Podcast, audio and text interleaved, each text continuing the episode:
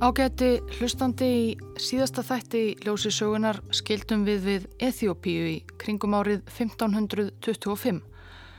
Þá voru portugalskir erindrekar stattir þar í landi. Þeir höfðu ferðast leiðina löngu, alla leiðin norður frá Evrópu.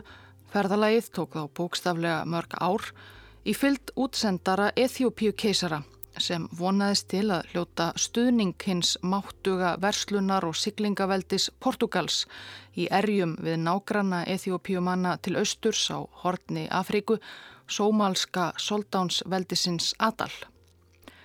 Soldánin í Adal átti sjálfur uppluga bakhjarla, tyrkneska ottomanveldið sem þarna var á hátindi sínum, Súleiman Mikli, soldán í Konstantinópöl og eins og kollegarnir í Konstantinóbel voru soldánarnir í Adel í miklum landvinningahug. Þegar portugalsku erindregarnir komust loksins á leiðarenda til ethiopísku höfuborgarinnar Fornu Aksum og ánþess að herrmenn væru með í för, kom það ekki að sög því að á meðan þeir voru á ferðinni hafði þáverandi Eþjópíu keisara hinnum unga Davíð öðrum tekist að rinda innrás Adalmanna og meira að segja drepa sjálfan Adal-soldánin Mahfús. Og dauða Mahfús fyldi ólgu tímabil í Adal og soldánsveldið var því Eþjópíumönnum ekki mikil ókn um sinn. En óknin var þó ekki úti.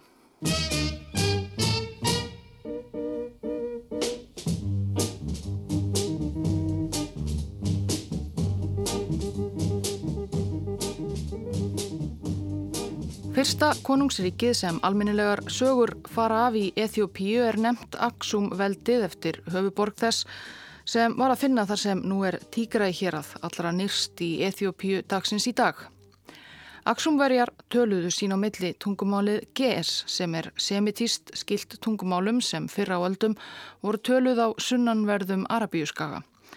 Kristni varð ríkistrú Aksum veldisins á fyrirluta fjórðualdar Og þó GS sé ekki lengur lifandi tungumál, það er móðurmál nokkurs manns, er það enn notað í helgi aðtöfnum ethiopísku réttrúnaðarkirkjunar. Tawallu kullu saba, ga'uzana, wa'arujana, ba'ma'araga, wa'ba'hagga.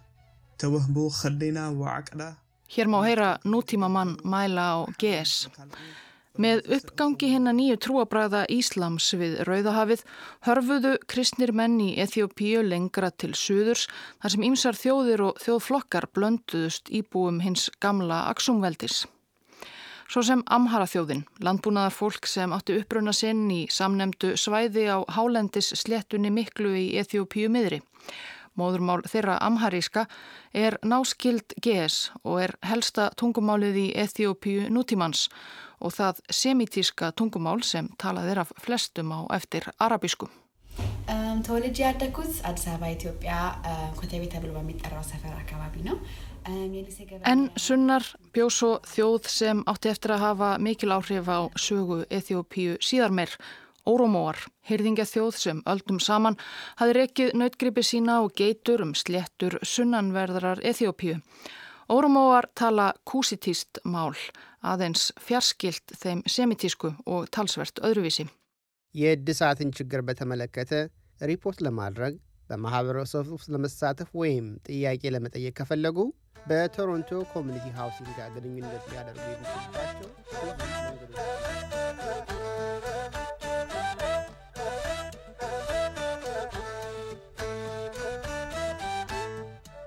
Fyrirnefndir portugalskir ferðalangar voru ekki fyrrfarnir frá Eþjópíu. Eftir nokkur ára dvöl heldu þeir heimáleið að segja löndum sínum fréttinnar af þessu undarlega kristna konungsveldi sem þeir höfðu fundið lengst inn í Afríku. Þeir voru ekki fyrrfarnir en íslamska soldánsveldið Adal gerði aðra aðlögu að kristnum grönnum sínum. Það var 1528 sem Adalmenn réðust aftur á Eþjópíu undir stjórn hersöfðingjans Ahmads bin Ibrahim al-Ghazi sem jafnan er kallaður sá örfendi.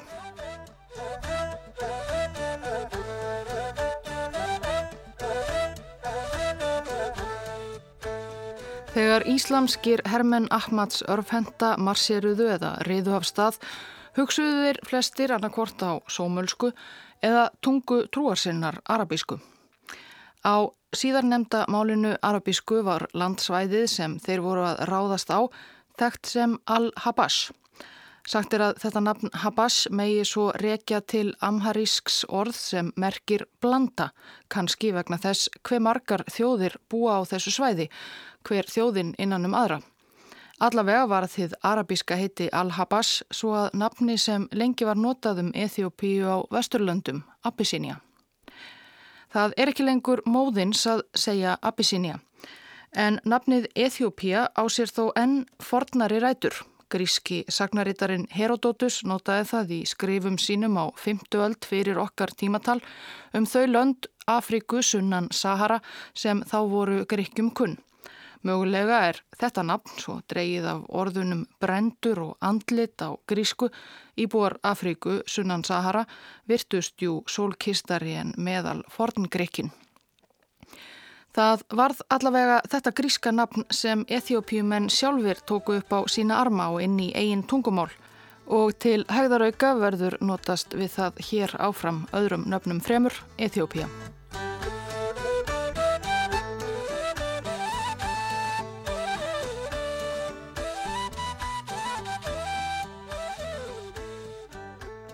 Ahmad örfendi og menn hans unnu hvern sigurinn á fætur öðrum og streymdu sífælt lengra söður upp á ethiopísku hásléttuna.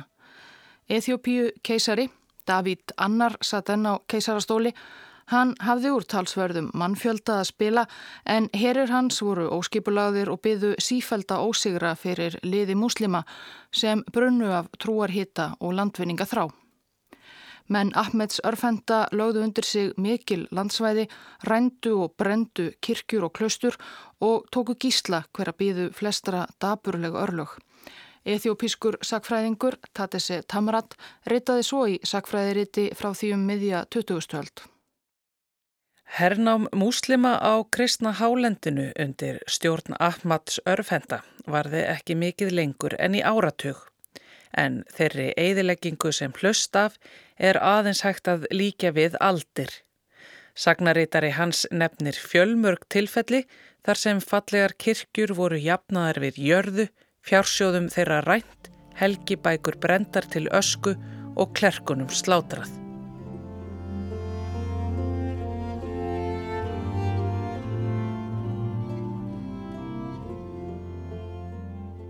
Í aldri og holningu er hann ungur maður, ekki mjög dökkur.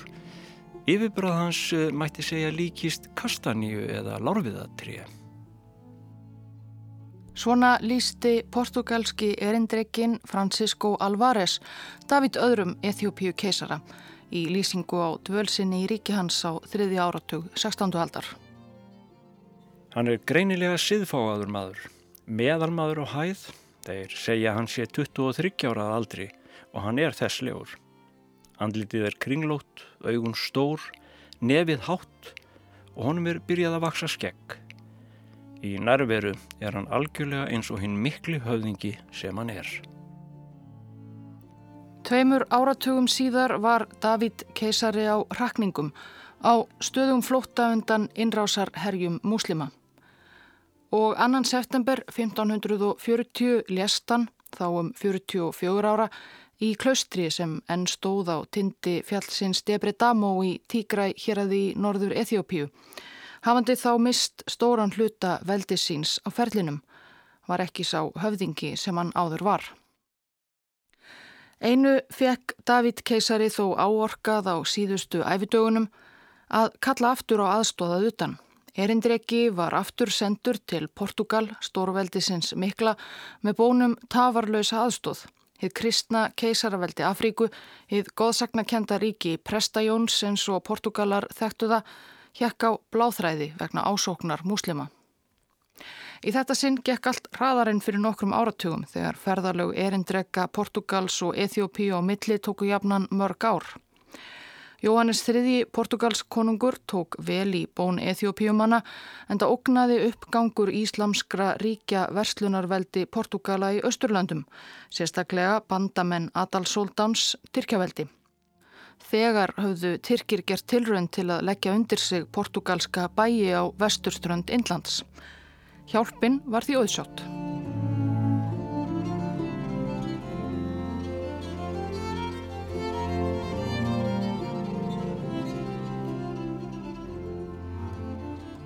Í júli 1541 byrtist í hafnarbænum Massava á Rauðahafi portugalst skip með 400 portugalska hermenn innanborðs vopnaða nýjustu skotvopnum, fallbissum og hakabissum. Fyrir hersveitinni fór 25 ára gamall herfóringi Kristófer da Gama, svonur eins mesta landkönnuðar Portugals Vasco da Gama sem fyrstur Evrópumanna fann sjóleðina austur um Afríku og til Indlands. Kristófer da Gama og menn hans fóru frá borði og gengu af stað með vopn sín og komu eftir um tvekja veikna þram að klustrinu á tindi Debre Damo þar sem David Annar keisari hafði dvalið síðustu ævidaga sína á flóta undan innrásarherr. Keisarin sem hafði kallað á hjálp var þá látin. Ekki hans Seble Vongel drottning tók á móti Portugólunum Nýr keisari, sonur hennar, Gelaf Devos eða Klátius var þá innleiksa lengra inni í landi með fáum mönnum. Þangað komust Portugalarnir ekki strax þar sem regntímabil var að fara í hönd sem gerði öll langferðalög erfið, sérstaklega ef maður dróa á eftir sér þungar fallbissur. Portugalsku hjálparsveitinni og liði Ahmads Örfenda lendi loks saman í februar 1542 í virki sem múslimatnir höfðu reist á hæðun okkuri sem Portugalar kölluðu Basende. Orustu þeirri lauk með örugum sigri Portugalana og skotavopnana með litlu mannfalli.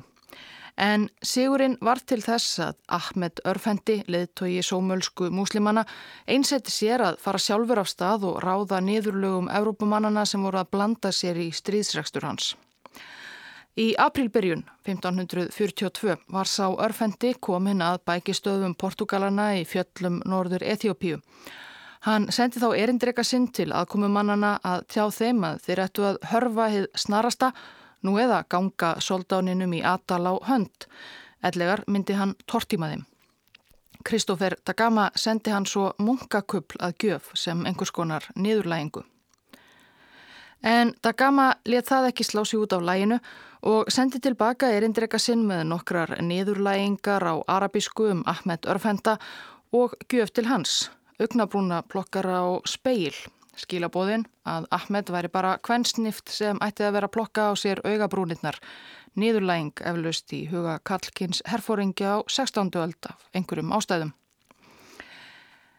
En eftir þennan leik kom loks til bardaga milli herfóringjana tvekja 4. apríl 1542 sem lauk með Sigri Portugala.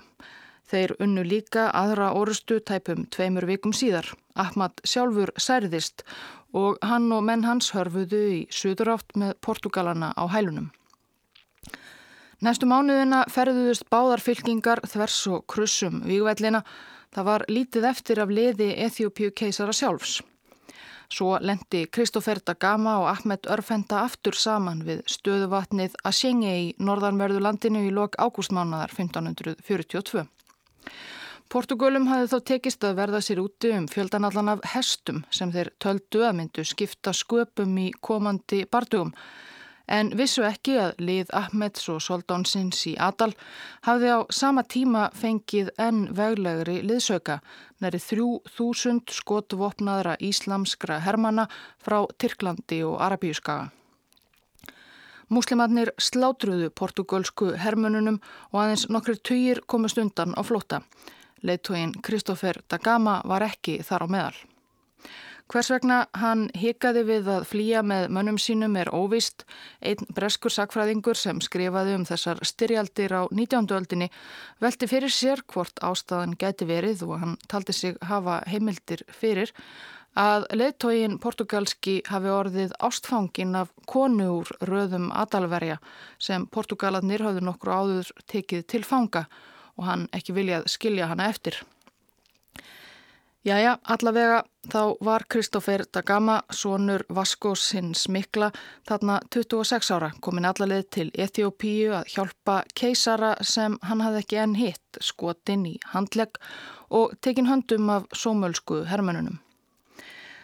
Sagan segir svo, hér ber að taka fram að heimildir um þetta stríð þar eru flestar misvísandi og evróskir sagnareitarar vildu greinilega láta sinn mann Portugalan líta sem best út.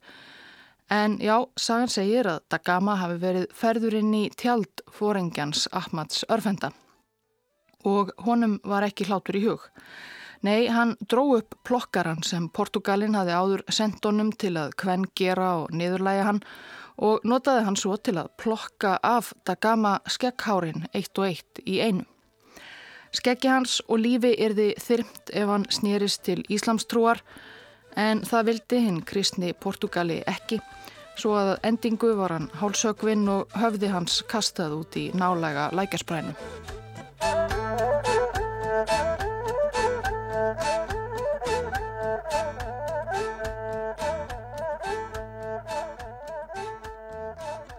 Þar með taldi vist Ahmed Örfendi að ógnin af Portugálum væri úti en einhver staðar á bylinu 100 til 200 portugalskir hermenn lifðu af slátrunina við að syngja vatn og tókst að flýja og ganga til liðs við sveitir Gilaf Devos keisara og móður hans Seple Vongel drotningar.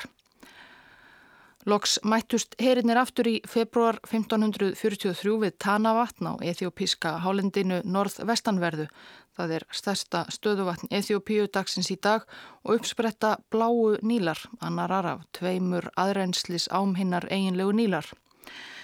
Og þar tókst fámennara saminuðu liði Eþjópíu keisara og eftirlifandi Portugala að brjóta lið sómalana á bakaftur. Og sagan segir að það hafi verið einna portugalunum í hemdar hug fyrir fóringasinn Kristófer Dagama sem skaut og helsærði Ahmad Örfenda sjálfan. Það var svo ethiopískur stríðsmaður sem tók við honum særðum og afhöfðaði hann. Sagan segir, eina þessum fjölmörku sögum, að sá djarfi hermaður hafi vonast til þess að fá hönd sýstur keisarans að launum fyrir afhöfðunina en fekk hana þó ekki.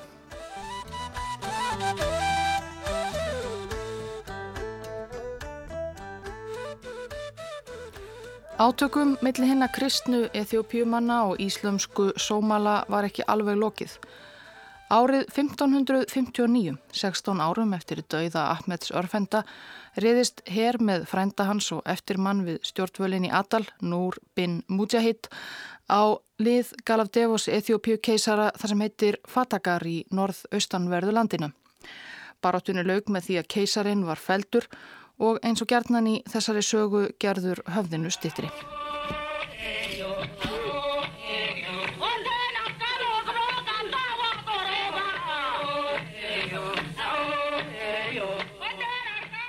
Margar áratöga hernaði Eþjópíumanna, sómalana í Adal og aðkomu mannana frá Portugal fylgdi mikið rask í þessum heimsluta norð-austanverðri Afríku, nokkuð sem kom öðrum að gagni. Tómarúmið sem stríðsreksturinn myndaði í mörgum sveitum Eþjópíu notfærði önnur þjóðsér, fólk sem var vant að vera á faraldsfæti, hyrðingjar hinnar kúsitísku mælandi órumóþjóðar.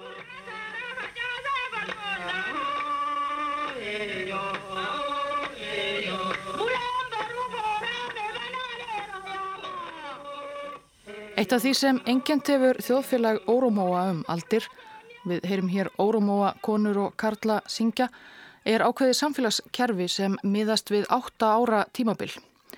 Hér á Íslandi í dag höfum við fjögur ára kjörtímabilum ímislegt en samfélag Órumóa miðast við þessi 8 ára tímabil í flestu. Leðtói þjóðarinnar er þannig kjörinn til 8 ára en líf Órumóa er líka myndað af 8 ára tímabilum. Kerfi þetta kallast gata og er í raunansi flókið og hefur verið viðurkent sem eitt af óáþreifanlegum menningarverðmætum mannkins af UNESCO. En svona í stuttumáli er það svona. Fram til 8 ára aldurs er ungur órumói skildu og áhyggjuleus enda barn. En næstu 8 ár æfisinnar frá 9 til 16 ára á hinn ungi órumói að læra grunngildi þjóðarsinnar hefðir og skildur, svo sem að sjá um kindur, getur og nautgripi og búa sig undir að komast í fullorðina manna tölum. Á næsta átta ára tímabili fara þeir, allavega órum og karlmenn, svo að búa sig undir herþjónustu, verða svo stríðsmenn og svo framvegis og svo framvegis. Með hækkandi aldri fá órumóðnir ný hlutverk á átta ára fresti, ráðgjafar, leittógar, lögjafar, síðapostular. Allavega hver átta ára stjett stríðsmanna þurfti vitaskuld að sanna sig, helst með landvinningum. Því brutust órumóar smátt og smátt átta ár og átta ár að sunnan sífælt lengra norður upp á norður ethiopíska hálendið þarna á ofanverðri 16. öld og það var sérstaklega auðvelt þegar hernaður ethiopíumanna og manna soldánsins í Adal hafi lagt mikið af þessum sveitum í rjúkandi mannlösa rúst.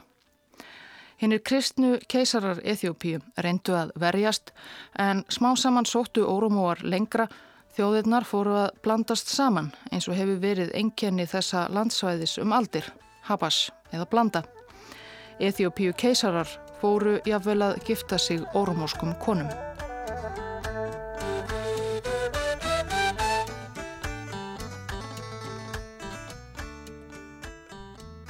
Sonarsonur Davids Annars sem fyrstur átti samskipti við Portugala, Susenius keisari fyrsti, settist á keisarastól 1606, þá vel fullorðin maður um 34 ára gamall, hávaksinn og myndarlegur með vel snirt skegg sangvænt lýsingu Portugala.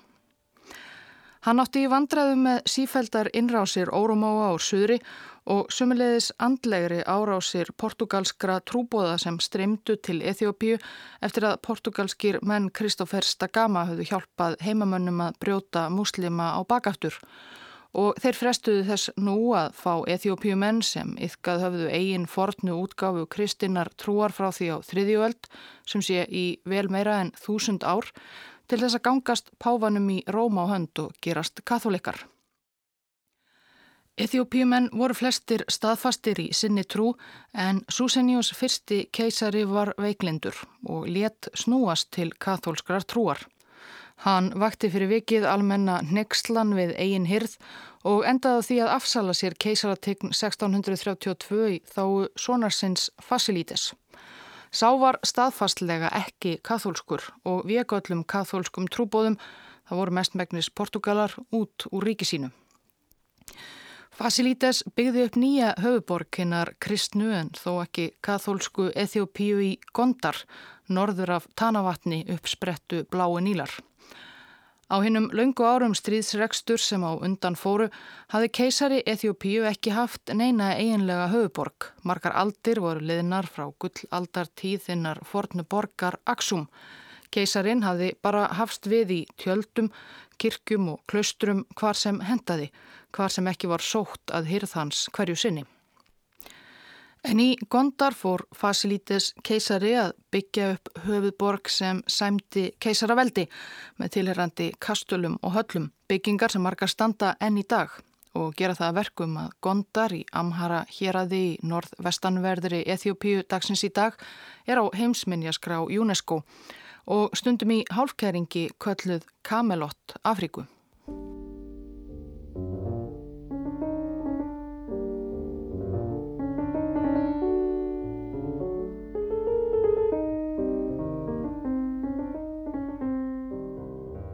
Í hönd fór ákveðið blómaskeið við hyrðina í Kamilott Afríku Gondar.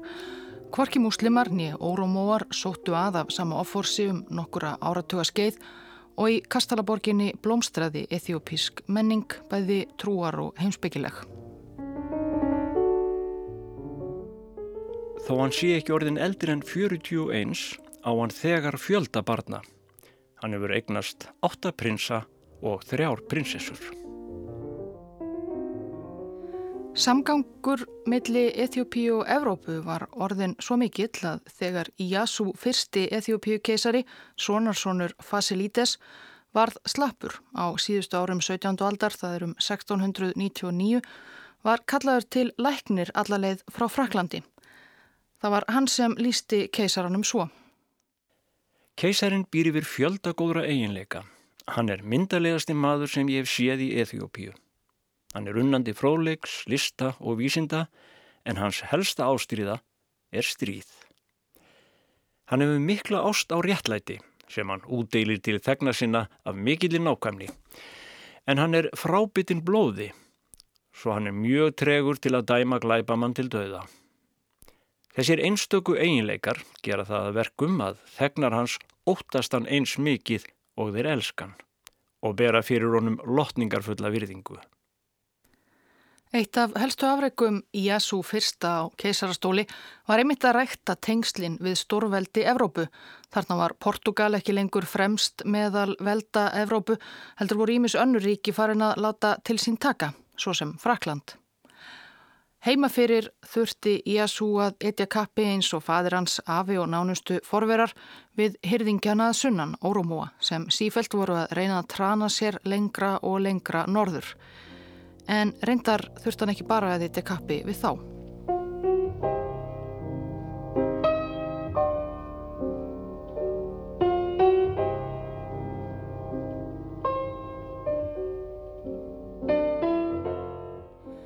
Samkvæmt ethiopískri sagnaritun var Iyasu fyrsti keisari upptekinn við hernað gegn órumónum að sunnan um árið 1706 þegar hann fekk fregnir af því að hans heitt elskaða hjákona Ketesti Kristos væri látin. Harm þrungin ákvaðan að afsala sér keisarategn setjast í helgan stein hið snarasta á eigin okkur í áðurnemdu Tanavatni þar sem hann lést svo skömmu síðar og svonur hans tók þá við keisarategn.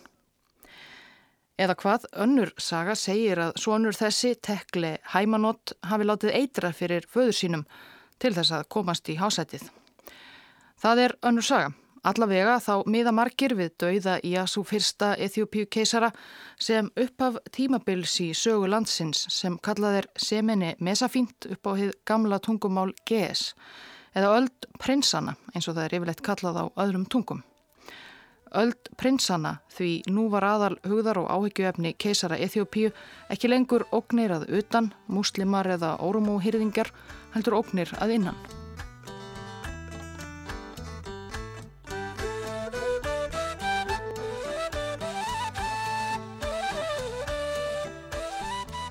Dauða Iasu fyrsta og valdatöku sonar hans tekle hæmanót fylgdu ímsar deilur og róstur í eþjópísku hyrðinni sem urðu ekki til þess að auka veghennar eftir allt það sem á undar var gengið.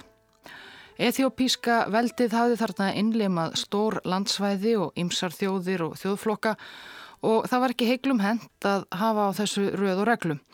Hyrðin var það í uppteknari af eigin deilum, samsærum og pískri og minna af því sem átti sér stað fyrir utan þeirra eigin einangraða hyrðsamfélag. Að lokum hnignaði hirðlífinu svo mjög að eiginlega var allt í voli. Mikið um sviftingar í hásætinu. Af Iasu fyrsta tók við sonur hans tekli hæmanótum stundarhríð, svo annar sonur hans Bakafa og svo sonur hans Iasu annar. Sá var bara sjú ára þegar keisarastóllin fjall honum í skaut, svo að móðir hans, keisara ekki að Bakafa, hún Mentevap, hún sá um þið daglega amstur. Sagt er að nafnennar Mentevap sé dreyið af frasanum ó hversu falleg á fornum álinu GS. Hefð var fyrir sterkum kvenleðtókum í sögu Eþjópíu nú þegar og ég vísa í fyrsta þáttum sögu landsins og Eþjópíu manna þar sem fyrir kemur meðal annars Eleni Drottning. Við vitum ekki margt um Mentevap með vissu en allavega. Þegar Jasú annar sonur hennar komst loks til vitt svo ára Og hér eru við komin alveg að miðbyggi átjándu aldar í sögunni, sumsi um 1740. Þá var hann að mestu áhuga lítillum stjórnspeki og hafði mestan áhuga samkvæmt heimildum á því að skreita götur og byggingar gömlu höfuborgarinnar gondar eða á því að vera sjálfur úti á veiðum eða dástað sjálfum sér í spekli. Það var því ekki mikil raunveruleg breyting á stjórnskipan þegar Iasu annar veiktist og lést langt fyrir aldur fram 1755, rétt rúmlega þrítur. Móður hans, sinn fallega Mentevap, helt eiginlegum völdum áfram í höndum sér, þó það væri súnarsónur hennar ekki árs gamall sem tæki formlega sæti á keisarastóli. Íoas fyrsti hétt sá og sagt er að amma hans Mentivab hafi alls ekki sett sig upp á móti því að svo korn ungur drengur yrði gerður keisari en það þýtti það að hún var áfram valdamesta manneskja ríkisins. Eitt helsta vandamál ethiopísku hýrðarinnar, já eða bara vandamál mentivab drotningar á þessum tíma, var einn mikli fjölbreytileiki þjóða fjöldin sem bjó í og við yfiráðasvæði keisara og hafði mis mikinn áhuga á að gangast honum á hönd. Erfiðasta verkefnið var áfram Órumóþjóðin að sunnan sem trúði staðfastlega á sitt átta ára kerfi og let ekki ráðskast með sig annars. Mentevab drotning reyndi að lækka rostan í Órumóum með því að láta svonsinn í Asú annan giftast dóttur eins af höfðingjum Órumóa.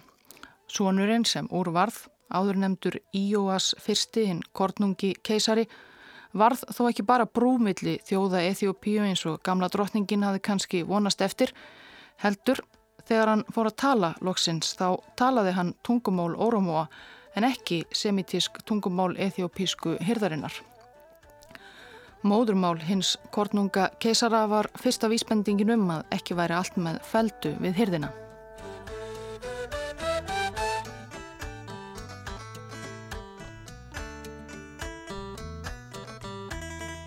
Í höllum Gondar kom nú fljótlega til deilna milli tvekja kvenna, mentevab drotningar og ömmu unga keisarans og móður keisarans, ekku síðasta keisara, Vúbit, sem var af órumúskum höfðingjaættum og taldi að hennar tími væri komin að stjórna í nafni sonarsins. Amma gamla mætti stíga til hliðar. Báðar konur söpnuðu liði frá heimahögum sínum og stemdu því 1769 til höfuborgarinnar Gondar önnur konan úr söðri og hinn úr norðri. Fyrir liði Mentevab drottningar fór einn tengdasónur hennar, höfðingi að norðan að nafni Mikael Sehúl eða Mikael Slingi. Hann mæti til gondar með fjölmendi lið og þungvopnað með sex sinnum fleiri framhlaðninga en annars voru til í allri Eþjópíu vist. Mikael Slingi var því fljótur að hveða niður lið hinnar drottningarinnar, órumóskrar móður keisarans. En Mikael let það ekki næja fyrst hann var komin allarleið til höfuborgarinnar á annað borð. Hann sópaði Íúas unga keisara frá. Keisarinn var þarna reyndar orðin heitla 14 ára og let svo myrða hann og tók sjálfur völdin.